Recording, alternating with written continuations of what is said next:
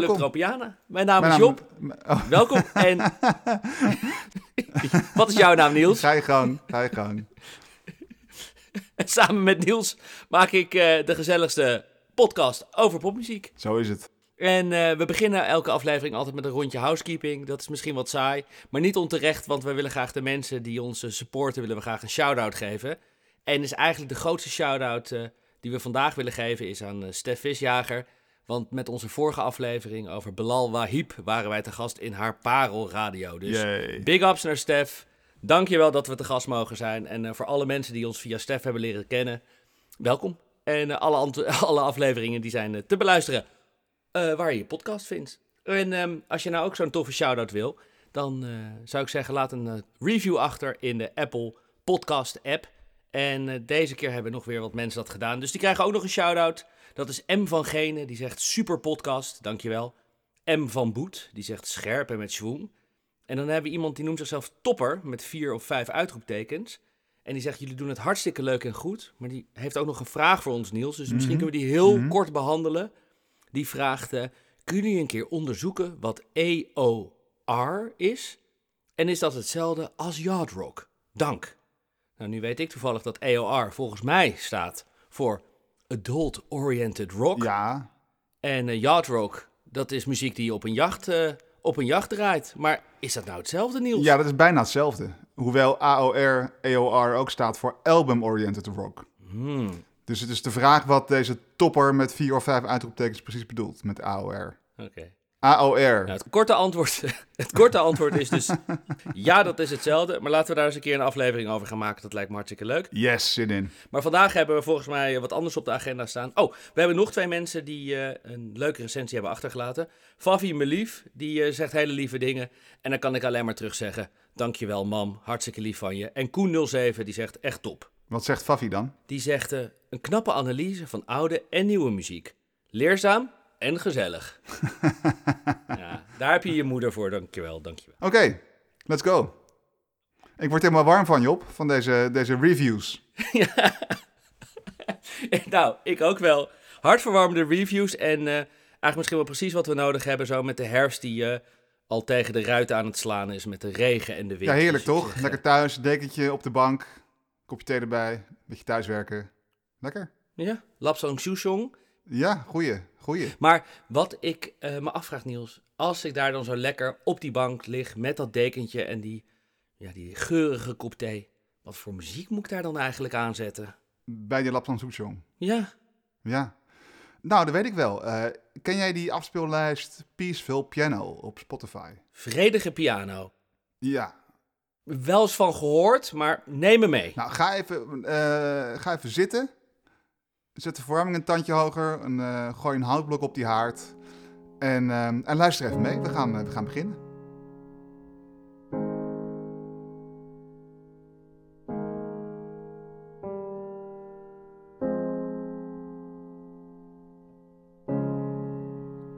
Ik kan me helemaal voorstellen, Niels, dat we dit nodig hebben op de bank. Heerlijk. Ja, toch?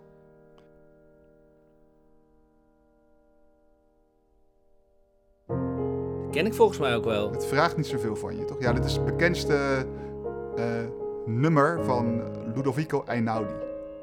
En die. eh, En die. Einaudi.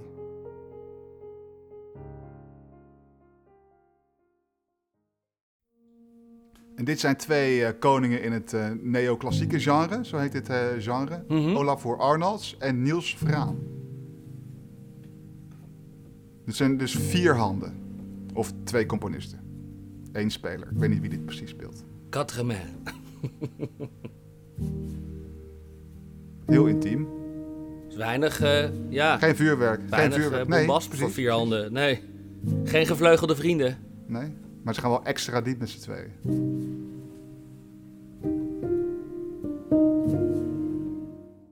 En dit is Max Richter. Mhm. Dit is, komt van een, eh, van een serie volgens mij. The Leftovers. Ben ik aan het kijken op het moment. Nou, dan hoor je dus dit fragment heel vaak terugkomen. Ja.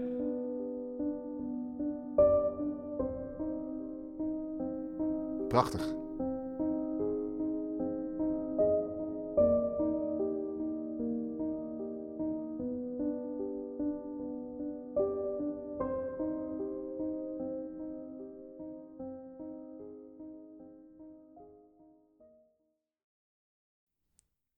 Job? Job? Sorry Niels, ik was helemaal... Ik was...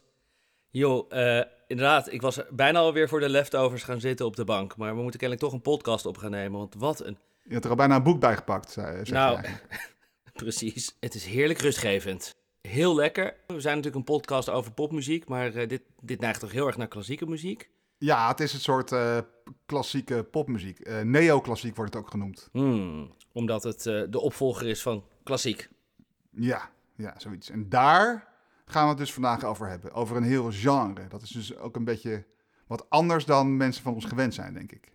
Niet een nummer, maar een heel genre. En, en, en misschien is dat ook de reden dat het programma best vol is, wat we willen afwerken. Ik zou zeggen, mensen thuis gaan ervoor zitten. We gaan een heel genre neoclassieke muziek gaan we behandelen. Ik eh, heb er ontzettend veel zin in. Ik ben net weer opgestaan vanuit de bank, maar ehm, ik nestel me toch even rustig achterover en laat me meevoeren in de wonderenwereld. Niels, vertel me alles. I'm all ears. Ja, nou goed, we gaan dat dus ehm, eh, samen doen met, eh, met een aantal pianisten, pianomannen en één vrouw. Want alleen samen krijg je dit genre onder controle, zullen we maar zeggen. Ja, tuurlijk. Ja. Ehm, ja, waar zullen we beginnen? Wat wil jij weten hiervan? Ja, het is altijd handig om, eh, zeker als we hele genres gaan be- eh, eh, behandelen, om een beetje structuur aan te brengen, zodat de mensen die ernaar luisteren ook nog begrijpen waar we zitten in het verhaal. Ik zou willen beginnen in, om met elkaar te bespreken wat de kenmerken zijn van, van dit genre. Dus hoe herken ik het eigenlijk? Daarna zou ik willen weten, waar komt het eigenlijk vandaan? Want we hadden het al even erover dat dit vast zijn oorsprong vindt in de klassieke muziek. En daar kun je vast hartstikke mooie dingen over vertellen. Dus daar ben ik heel benieuwd naar.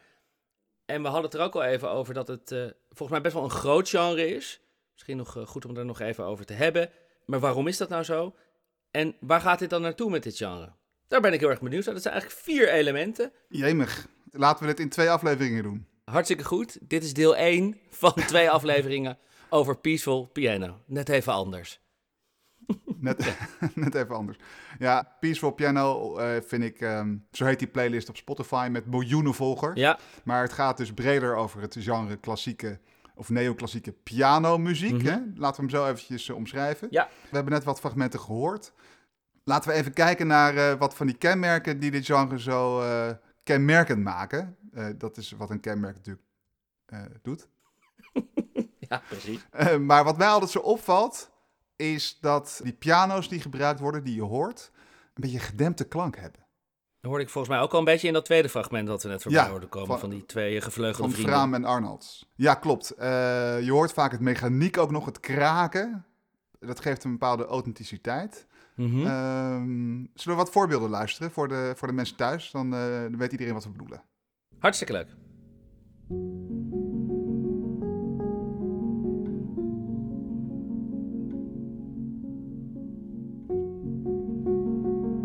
Hoort het mechaniek hier, hè? Ja, horen we hem met zijn voeten over de, de pedalen indrukken? Of wat horen we nog meer? Ja, dat zou kunnen. Maar ook de hamers op de snaren. Dit was eh, Michiel Borslap met Velvet. Dit is Dustin O'Halloran. En dat heet An Ending, A Beginning. Nu hoor je het heel goed, hè? Oh ja, ja. Dit zijn de hamers. Stop. Hammer time. Sorry.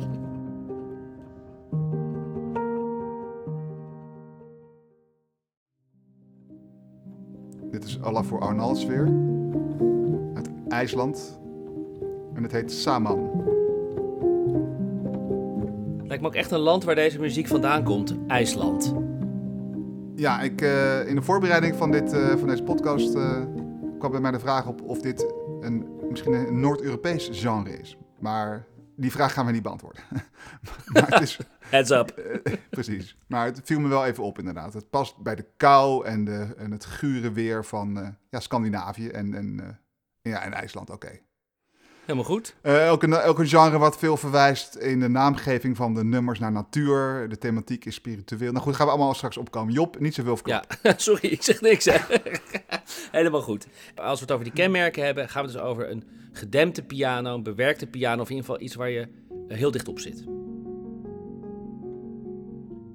Mijn eh, piano die ik, de staande piano die ik gebruik voor concerten en opnames, die is heel oud. Een jaartje of 115 geloof ik. En ehm, ja, dat is gewoon, daar is niets aan vernieuwd. Dat is allemaal dezelfde originele snaren en de originele hamerkoppen. En uh, ik gebruik er een filterlaagje bij om het wat zachter te maken. En Niels, je had al verklapt dat we met wat meer mensen gingen doen vandaag dan met z'n tweeën. Wie is dit? Mijn naam is Michiel Borslap. Ik ben pianist, um, componist. Um, speel dus al tien jaar solo piano. Maar, maar, Niels, die Michiel Borslap, die maakte toch jazzmuziek? Ik, ik meen dat ik nog wel eens aan een concert van hem ben geweest samen met Treintje Oosterhuis met allemaal Blue Note classics. Dat is niet echt uh, neoclassiek. Ja, ja, die heeft een, uh, een switch gemaakt eigenlijk. En uh, hij zegt daar zelf het volgende over. Toen ik jazzmuziek maakte, heb ik altijd liefde gehad voor het van, spelen van langzame nummers. Meer ruimte te krijgen. En toen ik mijn focus kreeg op solo piano, is het alleen maar versterkt. Um, ik, ik, hou erg van ruimte tussen de noten. Welke noten je dan speelt, dat is dan uh, ja, ieders eigen keuze natuurlijk. Maar ja, de ruimte tussen de noten, daar, daar gebeurt het. En dat vind ik ontzettend interessant. En, nou ja, je hoort dus hier hoe, hoe die eigenlijk um, de, de ruimte tussen de tonen het interessantste vindt. Maar wat nou zo interessant is, is dat die ruimte tussen de tonen echt letterlijk vaak wordt gedempt door een laagje vilt bijvoorbeeld, om, het, om die klankkleur nog bedompter te maken. Uh, je hoort echt dat Michiel zijn piano bewerkt om tot die, tot die specifieke sound te komen. En daar is hij niet de enige in. Die piano heeft een, ja, wat mij betreft echt een prachtige klank. En die heb ik inderdaad wel helemaal uit elkaar gehaald. Dat wil zeggen, eigenlijk alles uh, eraf uh, gestript. En ook gebruik gemaakt van het, het middenpedaal. Eigenlijk elke track op The Road to Silence is ook echt silence gemaakt. Waardoor het vrij doffig, een stoffig aanvoelt. En ik heb ervoor gekozen om maar met twee mics aan te komen. Heel dicht op de hamertjes. En eigenlijk hoor je alles op die plaat. Je hoort zelfs de regen buiten. Je hoort wow, Niels, wie is dit dan nou weer? Ik ben Guido Heneman, getrouwd, heb twee dochters... en ben componist en pianist en muziekondernemer. Guido, de tweede pianoman die we voorbij horen komen. En hij zegt ook in zijn stukje dat hij die piano echt bewerkt, maar ook dat hij met zijn microfoons ook nog dichter erop gaat zitten. Wat natuurlijk heel populair is in, in dit genre is uh, om een piano zo dichtbij mogelijk te laten klinken. Niels, uh, wie is dit dan nou weer? Ik ben Nanne Praamstra en ik maak muziek onder de artiestennaam Praam. Dus ik heb mijn eerste cd eigenlijk nog op een vleugel opgenomen en dan die tweede cd juist weer op een piano met een, een mooie laag filter tussen. Braam, Guido, Michiel Borslamp. En wat we dus horen eigenlijk van alle drie is dat die sound die ze proberen te maken, die klankkleur, dat dat heel dichtbij is. Dat het gedempt is, dat het bewerkt is. Uh, je zit eigenlijk bij ze op schoot heel erg. Um, dat is dus een van die muzikale kenmerken waar we mee begonnen zijn. Niels, kunnen we nog andere benoemen? Ja, en wat je daarnaast hoort is dat uh, dat die melodie eigenlijk heel eenvoudig is. Mm kleine intervallen zonder al te veel uh, ja, virtuositeit of bravoure. Uh, die melodieën zijn ook meer accenten dan dat het echt uh, breedsprakige verhalen zijn die worden verteld. Het is wat kleiner allemaal. En dat geeft misschien ook wel dat, dat rustige en dat relaxe erin. Ja, je hoeft er ook niet al te veel moeite voor te doen om het te laten binnenkomen op die manier. Hele eenvoudige begeleiding ook.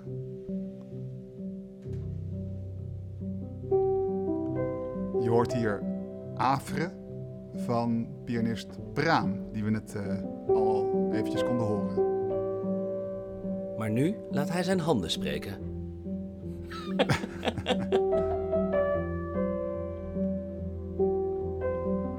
Wat een uh, hoopvolle melodie. Ja, ja.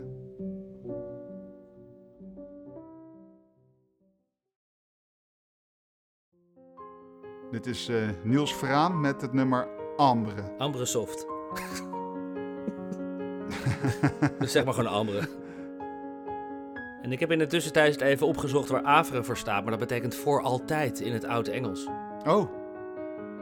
En Ambre, wat betekent dat dan? Daar heb ik even geen tijd voor. Oké, zoeken mensen zelf maar op. Dus ehm, je hoort een ehm, ja, relatief simpele melodie die meer uit accenten bestaat Ja. dan, eh, dan een ingewikkeld narratief.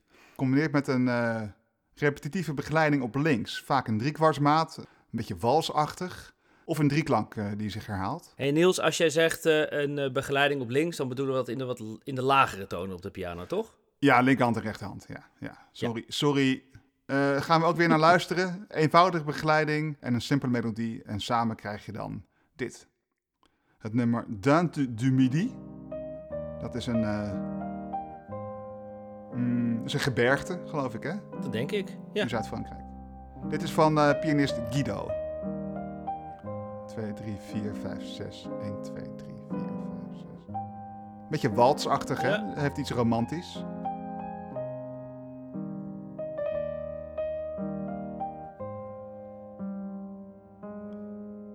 Een eenzame wals, Ja. zo voelt het een beetje.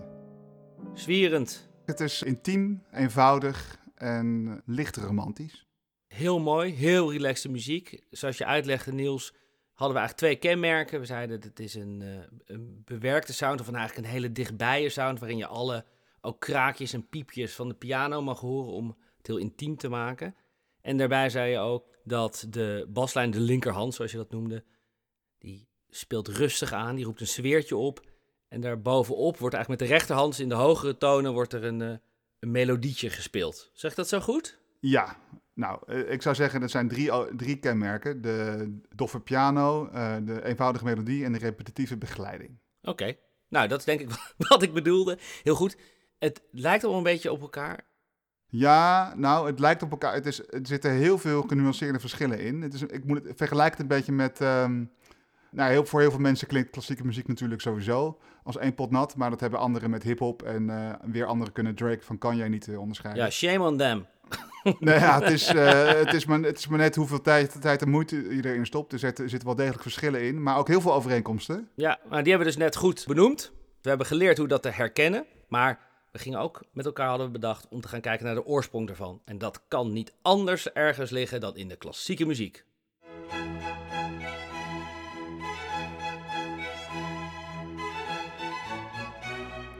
Ja, we hebben natuurlijk altijd al muziek geluisterd om, eh, om te ontspannen. En dit, eh, dit genre neoclassieke leunt overduidelijk op ehm, de klassieke pianomuziek in zijn geheel. Dat is natuurlijk een enorme body of work. Mhm. Maar ik ga toch proberen een paar ehm, ja, primaire inspiratiebronnen te behandelen... die bij mij eigenlijk spontaan opkwamen toen ik me in het genre ging eh, verdiepen.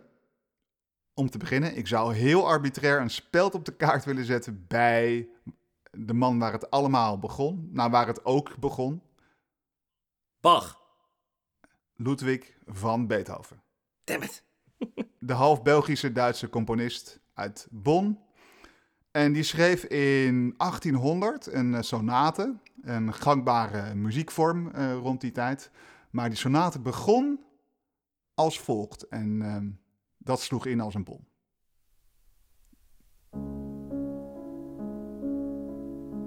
Ja, ik hoor je die walserige sound ook weer. Eh, ja, dat, het is een drieklank. Dus een, eh, dat is die eh, repetitieve begeleiding, eenvoudig.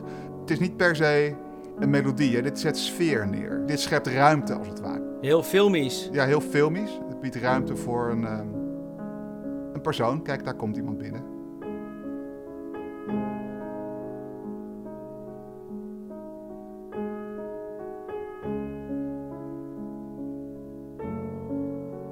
En dit zijn ook meer accenten dan echt een overduidelijke melodielijn die je nafluit. Maar ik kan me heel goed voorstellen dat als je in eh, de neoclassieke muziek verdiept, dat dit als inspiratiebron inderdaad meteen bij je naar boven borrelt. Ja, ja toch?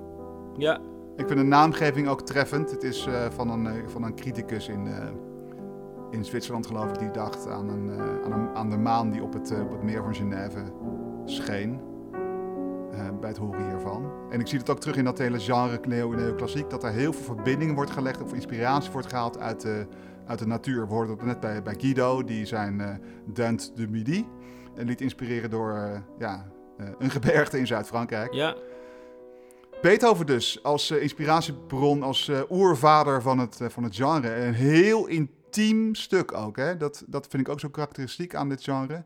Het, is, het trekt je heel erg naar binnen toe. Ja, je kan er je gedachten de vrije loop bij laten. Ik vind het prachtig. Hebben we nog meer inspiratiebronnen? Of tenminste, nog meer spelden die jij op de kaart wil prikken, Niels? Ja, daar is een, eh, een speld eh, die heet Erik Satie. Een componist uit eh, Frankrijk.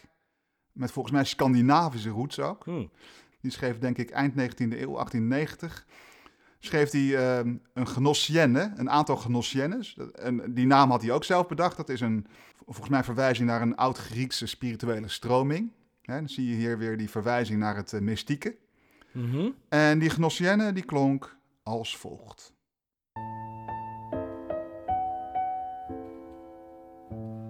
Het is wel lekker als je je eigen muziek gewoon kan betitelen als iets. Nou ja, dat kan natuurlijk iedereen, maar dat was toen niet zo gebruikelijk. We zijn hier 100 jaar verder ongeveer na de Moonshine Sonate van Beethoven. En toen Ja. klonk de neoclassieke muziek als volgt. Hele andere harmonieën, maar wel dat eh, zwierende een beetje. Erik Satie had, eh, die schreef ook zonder maat eh, aanduiding. Oh, Was een beetje ap- aparte vogel. Ehm, ja. ja, ik zoek even iets, naar iets om het samen te vatten. Hij is van het conservatorium afgegooid. Eh, een poëet was het ook. Hij schreef. Ja, zo'n eh van de siècle alleskunner uit Parijs. Je kent ze wel. Waarvan akte? Jij komt toch ook weer terug bij dat filmische? Je kan hier echt eh, enorm veel filmscènes ook bij bedenken. Wat hier allemaal gebeurt als deze muziek aanstaat. Ja, dat komt omdat het niet zoveel van je vraagt. En eh, daarmee wil ik niet zeggen dat het behang is. Maar het schept een sfeer. In plaats van dat het een verhaal vertelt. Ja, Nou, dit gaat zo door. nou echt Heerlijk. heerlijk. Oh, daar gaan we nog even, ja. Hele simpele begeleiding. Akkoord, grondtoon en akkoord. En bovenin een hele simpele melodie. Ja, gaaf voorbeeld ook. Doe mij maar meer van die gnossiennes. Ik vind het helemaal top. Goeie. We hoorden het net al bij Beethoven een klein beetje. En, en, en in de voorbeelden daarvoor natuurlijk ook. Eh, de repetitiviteit. Mhm. De repetitiviteit van, het, eh, eh, van deze stukken maakt ook dat het makkelijker te behapstukken is. Makkelijker te accepteren is als achtergrondmuziek. Of als muziek waarbij je tegelijkertijd misschien iets anders doet. Zoals met een eh, kopje lapsang soetjong op de bank zitten. Ja. En eh, die, eh, dat repetitieve, dat, dat komt uit de minimal music. Mhm. Minimal music is een genre wat eigenlijk in de 20e eeuw ontstaan is. Klinkt moderner inderdaad dan gnossienne. Precies. Heel repetitief met minimale harmonische veranderingen. Eh, vergelijk het met minimal techno, waar je dus... je dat ook hebt. Waar, ja, precies, waar je dat ook hebt. Nee, maar wat, je, wat daar gebeurt is dat als er dan iets verandert, dat dat dan extra hard binnenkomt. Ja, En dat gebeurt met minim, minimal music natuurlijk ook, want je brein is op zoek naar die patronen. En als die patronen even veranderen, na, nadat je eindeloos bent blootgesteld aan hetzelfde, eh, heeft dat relatief een groter effect. ja. Dus effectieve muziek eh, met minimale verschuivingen. Ik geloof dat ik het wel genoeg heb herhaald. Kunnen we er in godsnaam gaan, gaan luisteren? het duurt ook al zo lang voordat we die minimale verschuiving gaan horen daar, denk ik. Dus laten we dit nog even oprekken, dat als het dan dropt, dat mensen er echt van gaan genieten. Ja, heel repetitief dus. Philip Glass met het nummer Openings.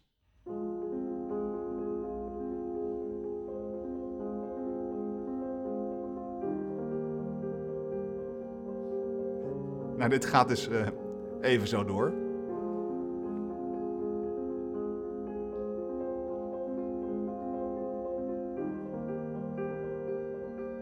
Je komt hier niet, je komt hier niet meer uit. uit You deze, can never leave. Ja. Ja. Maar ook eh, iets om erbij weg te zinken, toch? Ja. Soort die videoband van dat haardvuur. Die gaat ook maar door. Ja. Ja. Maar je zet hier wel wat aan. Ja, je hebt toch de slow TV, wat ook een trend is geweest onlangs. Ook uit Scandinavië trouwens. Van die, eh, trein, van die treinreizen, toch? Die je kon volgen, die uren duurden. Oh, die railway stuff. Ja, Ja, awesome. ja, er is iets met dat Scandinavië wat ons op het eh, spoor zet van meditatieve, repetitieve klanken. Ja, de natuur in. Ja, we're onto something. Eh, Oké, we gaan eh, dit. Oké, even Niels? wakker worden met. Ja, sorry. Normaal doen we alles in drie, dus ik mag hopen dat we er nu zijn, toch? Met referenties. Nee, ik, deze, dit volgende fragment moest er natuurlijk even tussen. Oh, oké. eh, Omdat het zo'n toffe componist is. We hebben het hier over John Cage. Kennen we die niet van dat stuk wat alleen maar stil is? Die John Cage, die 4 minuten 33? Ja, als tegenhanger daarvan heeft hij ook stukken gemaakt waar tering veel lawaai gemaakt wordt. en daar gaan we naar luisteren, want hij was een van de eerste die zijn eh, eh, instrumenten, zijn piano's, zijn vleugels bewerkte. Net zoals we net gehoord hebben van Michiel en Praam en Guido. Die vleugel was natuurlijk honderden jaren eigenlijk soort min of meer hetzelfde, min of meer hetzelfde instrument. En hij bedacht, eh, ja, waarom is dat nou eigenlijk zo? Waarom, waarom kan ik niet zelf daar eh, iets aan veranderen door, door hij, hij eh, bewerkt dus, eh, die instrumenten met, met, met schroeven en bouten en hamers. En daardoor kreeg hij een veel percussiever geluid. Hij brak hiermee dus ook een lans voor het oprekken van die, ja, die traditionele klankkleur. En dat is eigenlijk wat die neoclassieke pianisten ook doen. Op een andere manier. Nou ja, op een andere manier en een, vooral een eh andere uitkomst tot gevolg. Mhm. Maar ik wil hem toch even op het schild hijsen als pionier van het, het, het kloten aan je instrument. Daar Om gaan we. iedereen weer even bij de les te krijgen. Super. Het nummer, eh, het stuk Bacchanale uit, eh, What's in the name? uit 1938.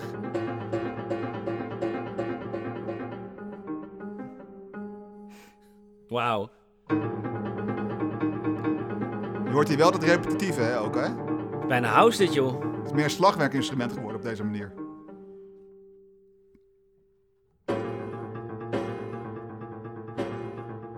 Wauw. Dus hij rekte eigenlijk de mogelijkheden op en daar eh, plukken wij nu de vruchten van. En daarom horen wij die intieme sound.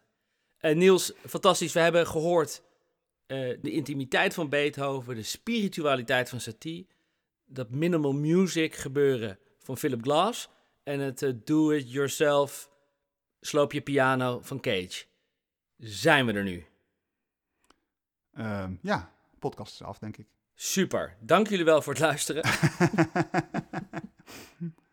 Nee, kijk, er zijn nog veel meer klassieke componisten zoals eh, een Chopin, een Schumann, die je kunt noemen ter inspiratie. Ja. Maar ergens, ergens moet het gewoon stoppen. Oké. Nou, het, bestond dus al een hele tijd. Dat is eigenlijk wat we hebben laten zien. eh, ook met de voorbeelden uit een wat eh, verder verleden. Ehm, het heette minimal music, weet ik veel wat. New Age. Maar- New Age, inderdaad. Maar waarom juist nu? Waarom juist nu? Eh, dan is denk ik dit het moment om Joep te introduceren. Wie?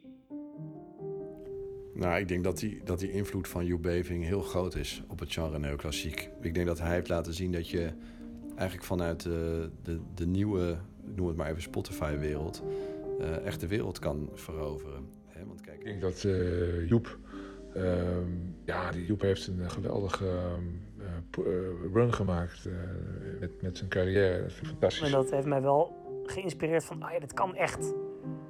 Eh, dit is echt wel een goed idee.